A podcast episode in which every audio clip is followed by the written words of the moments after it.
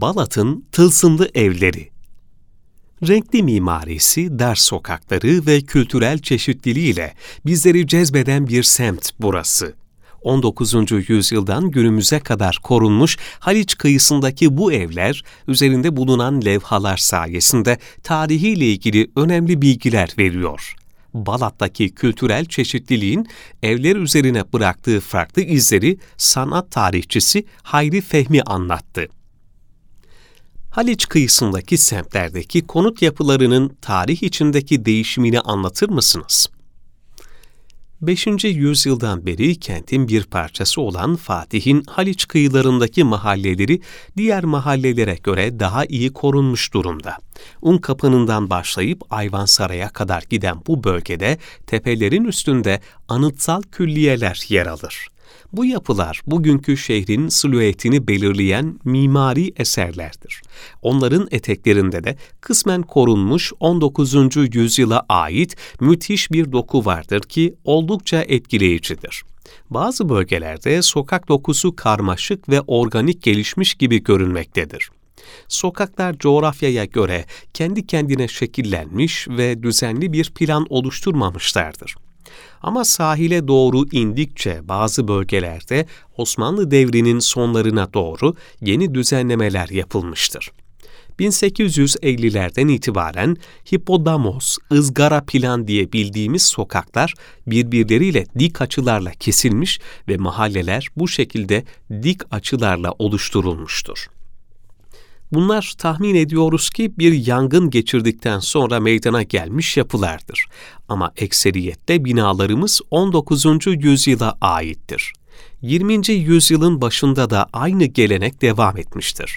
Küçük bir parsele oturan evler 30 metrekare hatta 40 metrekare belki 50 metrekarelik alanlardan oluşur. Bu evler genelde iki ya da üç katlıdır. Bazılarının içinde sarnıçları, kendi su hazneleri bulunur. Bazılarının da nadiren kuyusu vardır. Giriş katında mutfak yer alırken muhtemelen banyo da buradadır. Yaşama alanları üst katlardadır. Girişte küçük bir oda, hemen hepsinin altında da bir kömürlük bulunur. Evlerin çoğu cumbalıdır. Ekseriyeti kagirdir. Çünkü tuğla kullanımı Osmanlı'nın son devrinde karşımıza çıkar. Ama cumbaları dışarı çıkan aksamı bazen ahşap olur, bazen kagir. O cumbayı taşıyan mermer, demir ya da tuğlayla örülerek hazırlanmış konsollar vardır. Bir ailenin yaşayacağı genişlikte mekanlardır bunlar. Bir apartman dairesi gibi düşünün. Odalar yan yana değil üst üste. Bu anlamda evler oldukça sevimli görünürler. Yapılar daha çok 19. yüzyılın sonlarına hakim koşullara göre şekillenmiştir eski Osmanlı evlerine benzemezler. Fener civarında bu evler daha çok Rumlara, Balat civarında Yahudi ve Ermenilere aitse de Müslümanlar da aynı mantıkla inşa edilmiş evlerde yaşarlar. Müslüman evleri ya da muhafazakar Rum, Ermeni ve Yahudi evleri daha çok ahşaptı. Yeniliğe daha açık olanların evleri kagirdi. Bazı kagir yapılar da Müslümanlara aitti. Şu durumda ortaya enteresan bir manzara çıkmakta. Malzeme kullanımının muhafazakarlıkla bir bağlantısı olduğu anlaşılmaktadır. Döneminin koşullarında Hristiyan, Yahudi, Müslüman fark etmez. Hemen herkes muhafazakardı. Özel hayatlarına çok dikkat ederlerdi. Evlerinin pencerelerinde kafesler bulunurdu. Maalesef 20. yüzyıldan itibaren burada doku yavaş yavaş değişir. Bölgede yaşayan Rum, Yahudi, Ermeni kökenli ailelerin çoğu burayı terk eder. 50'lerden itibaren İstanbul'a bir göç başlar. O göçle birlikte ilk aileler çoğunlukla Karadeniz kıyılarından gelir. Karadeniz derken Kastamonu'dan Rize'ye kadar uzanan bütün Karadeniz kıyılarını kastediyoruz. Ama yoğunluk Kastamonu, Karabük ve biraz daha doğudan Trabzon ve Rize civarından. Buraya yerleşirler. Çünkü Haliç kıyısı denizcilikle ilgili tesislerle doludur. Artık çok şey değiştiğinden evlerin içinde yaşayanlar da çoğunlukla evlerin bakımını sağlayabilecek durumda değildiler. Bazı İstanbullular tek tek buralardan ev satın alıp kurtarmaya çalıştılar. Ama ne yazık ki bu tip girişimler bir bütünlük oluşturacak düzeye ulaşamadı. Balat'ta Yahudi, Fener'de Rum mahalleleri yer alır. Bunlar un kapanına kadar gelir. Mesela Cibali'de küçük bir Rum mahallesi, Fener'de de bir sürü Müslüman mahallesi vardır.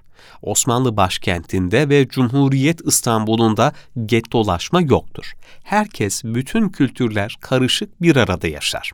Bugün de aşağı yukarı aynı doku var orada.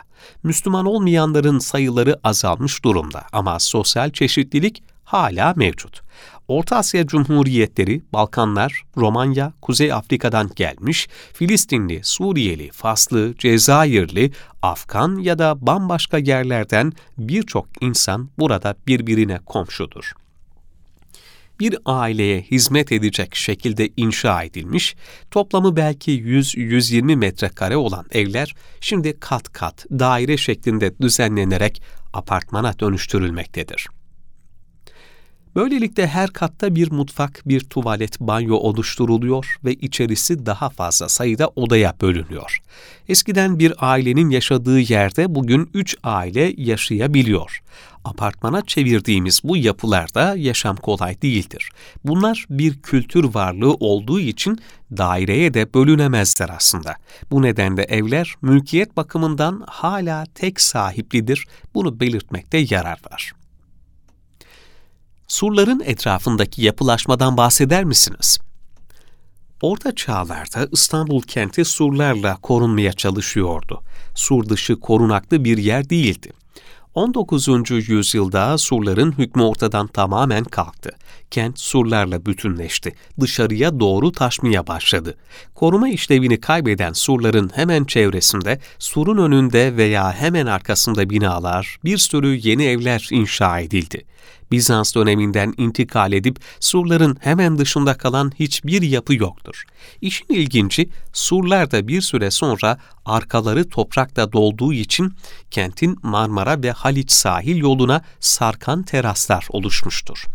Bugün Haliç surları bütünüyle korunması gereken çok katmanlı, oldukça ilginç bir yapıya sahiptir.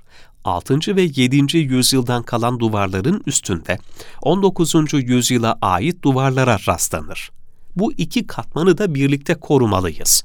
Tek başına duvarın korunmasından bahsetmiyorum. Bunun üzerine inşa edilmiş evle birlikte korunmalıdır diyorum. Çünkü bu yapılar kentin çok katmandığını en güzel şekilde anlatan örneklerdir. Geçmişte bunlardan rahatsız oluyorduk. Artık öyle değil. Fatih Belediyesi'nin Haliç'te yaptığı cephe yenileme çalışmalarının burada yaşayan ailelere ve semte katkıları nelerdir? Bu konunun evin içinde yaşayan aileyi ve kenti ilgilendirmek bakımından iki ayrı cephesi var. İç tarafa müdahale şansınız çok yok. Dış tarafa da aileyi bir onarıma falan zorlayamazsınız. Çünkü evlerde oturanların çoğu böyle bir masrafı karşılayacak durumda değil sokakta aydınlatma, elektrik, telefon, doğalgaz tesisatı gibi binaların dış cephesinde sevimsiz görüntü yaratabilen birçok öge var. Evlerin içindeki sorun daha büyük. Birçok evin içinde bugünkü koşullara uygun elektrik, doğalgaz ve su tesisatı yok. Dışarıya müdahale etmek belki mümkün ama iç mekana dokunmak çok zor bu yüzden sosyal yapıyı, mimari dokuyu ve gelenekleri koruyarak yaşatmak ve bu hususlarda projeler geliştirmek, yerel yönetimlerin en önemli görevleri arasındadır. 90'lardan itibaren Balat, Ayvansaray mahalleleri için birçok proje geliştirildi. Fatih Belediyesi uzun süredir ciddi şekilde sokak dokusunu iyileştirmek gayretiyle çalışıyor. Bölgede gözle görülür bir ilerleme kaydedildi de Dezavantajlı semtlerde belediyenin bu tür müdahalelerinin çok faydalı olduğunu düşünüyorum. Evin tamamen restore edilmesi bambaşka bir süreçtir. Hiç değilse şehre bakan cepheyi yenilemek, bazı imgeleri korumak ve yaşatmak yerel yönetimlerin inisiyatifindedir. Buradaki evlerde eskiden genelde pastel renkler kullanılırdı Çivit ya da demir oksitten elde edilen kırmızı boya çok sevilirdi. Az sayıda ev beyazdı. Müslümanlar yeşili çok severdi mesela. Gayrimüslimlerin kısıtlamalardan dolayı haki yeşil rengini kullandıkları olurdu. Bazen gri ve tonlarını tercih ederlerdi. Tazminat ve ıslahat fermanlarından sonra bu hikayeler sona erdi. Bugün cepheleri renklendirirken yine eski İstanbul'daki rengarenk evleri hayal etmek gerekir. Gerçekten de özel olarak seçilen bu renkler yaşlı yapılara can katıyor. Bu vesileyle binaların basit bakım onarımı da yapılmış oluyor cephelerin yenilenmesiyle biraz daha derli toplu görünüm kazanan Balat bu haliyle insanları heyecanlandırıyor. Farklı semtlerden birçok insan, kültüre veya sanata ilgisi olmayanlar bile burayı gezip görmek için geliyor. Eskiden pencerelerde muhakkak toprak saksılarda çiçekler bulunurdu. Genelde Yasemin, Leylak ve Hanımeli tercih edilirdi. Sonra bunlara mor salkım da dahil olmuş. Pencere içlerindeki saksılarda ise sardunya ve begonya yaygındı. Evler küçük olduğu için çiçekler genelde pencerelerin dışında bulunurdu. Böylece dış cepheler çiçekler sayesinde renklenirdi ve sokaklar daha neşeli bir görünüm kazanırdı. Balat evlerinin cephelerinde yer alan tılsımlı levhaları anlatır mısınız? Balat evlerinin cephesinde bir takım koruyucu tılsımlar olduğu bilinmektedir. Yahudiler evlerini mezuza denilen kapıya yerleştirdikleri ve içinde Tevrat'tan metinler bulunan kutucukla koruduklarına inanırlar. Balat'taki restorasyonlarda kapılarda sadece mezuzaların izleri görünmektedir. Ama sinagoglarda, Yahudi okullarında ve semtte çok az binada mezuzaya rastlanmaktadır. Yine Yahudi evlerinde koruyucu olarak Davut yıldızı dediğimiz iç içe geçmiş iki üçgen sembolü kullanılır. Balat'ta bazı evlerde bunu rahatlıkla görebiliriz. Bazı evlerin cephesinde sıva üzerine yapmışlar, bazen de pencerelerde görülür. Yahudi evlerini bu işaret sayesinde ayırt edebiliriz. Davut yıldızını Müslümanlar da Süleyman peygamberin mührü olarak görüyor. Aynı şekle baksalar da iki farklı kültür oldukları için onu farklı isimlendirip değerlendiriyorlar. İki kültürde de değer görmesi bu gibi sembollerin yaşamasını sağlıyor. Müslümanlara ait evlerin cephesine de maşallah ya hafız ya da ya malik mülk gibi ifadeler taşıyan koruma levhaları görülür. Genelde Kütahya Çinilerinden tanzim edilen levhaların bazılarında hat örnekleri oldukça başarılıdır. Bunların 40'lı 50'li yıllardan itibaren kullanıldığı biliniyor. Dış cephede yüksekçe yerlere saçak kısmına yerleştirilmektedir. Aynı zamanda bu cephelerin giriş kapılarının üstünde de besmele yazılır. Bu da sevilen bir detaydır. Bu arada daha zengin evlerin cephelerinde nadiren de olsa sigorta levhalarına rastlanır. Sayıları çok az bu levhalar oldukça ilginçtir. 19. yüzyılda Osmanlı'ya gelen yabancı sigorta şirketleri yangına karşı evleri sigortalatıyor ve cephesine de sigorta markasını asıyorlar. London and Lancashire sigorta en meşhuru. Aslında tarihi belge mahiyetindeki bu izlerin de korunması gerekir. Özellikle Fener Balat civarında evlerin cephelerinde yelkenli gemi tasvirleri göze çarpar. Semtte yaşayan insanlar için Haliç büyük öneme sahiptir. Çünkü bir liman yerleşimi olmasıyla birlikte Haliç'in güney kıyısındaki yerleşim yerlerinde atölyeler mevcuttur. Buralarda kalafatçılar, dökümcüler, kayıkçılar çalışır. Sirkeci'den başlayıp Haliç'in sonuna kadar bir sürü iskeleye sürekli mal indirilir. Dolayısıyla denizde çok iç içe olan semtler buralar. Burada Rum evlerinin cephelerinde ya da dükkanlarında Rumca bazı ibareler yer alır. Binanın inşa edildiği tarih yazılıdır çoğunda. Yahudiler de kısa ifadelerle kendi evlerine isimlerini ve inşa tarihlerini kayıt düşerler. Osmanlı toplumunda herkes kendi kültürü ve inancıyla yaşamaya devam etmiştir.